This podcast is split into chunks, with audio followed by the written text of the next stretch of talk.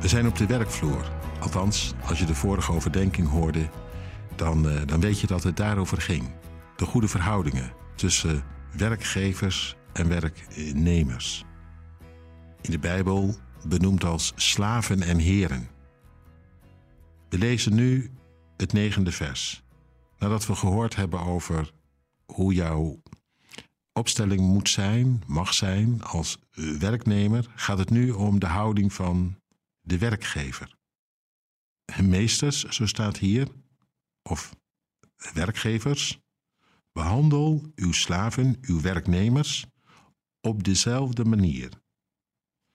Dat wil zeggen eerlijk, betrouwbaar, zodat je hen goed doet. Laat dreigementen achterwege, want u weet dat zij en u dezelfde Heer in de hemel hebben en dat Hij geen onderscheid maakt. Dat lijkt me er wel één om mee te nemen. Misschien doe je het al lang. Dat jij goed bent voor je werknemers. En dan niet alleen voor degene die een beetje hoog op de lijst staan, maar ook voor, nou ja, noem eens wat.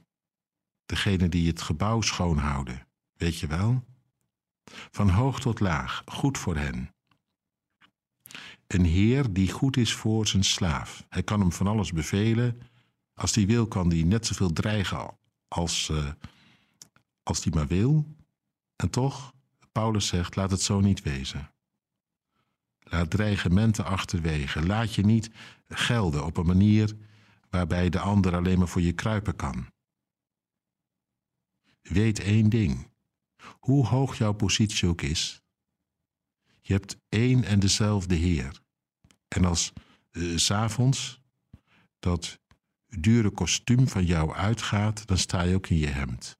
Voor dezelfde God. En moet je het hebben van dezelfde genade. En juist als Heer of als werkgever zou het zo mooi zijn als jij steeds meer het beeld vertoont van jouw Heer in de hemel. Althans, dat is wat God graag ziet. Dan wordt ook jouw werk van elke dag een goed werk voor Hem. Dat is misschien nog wel even een klus om die houding aan te nemen.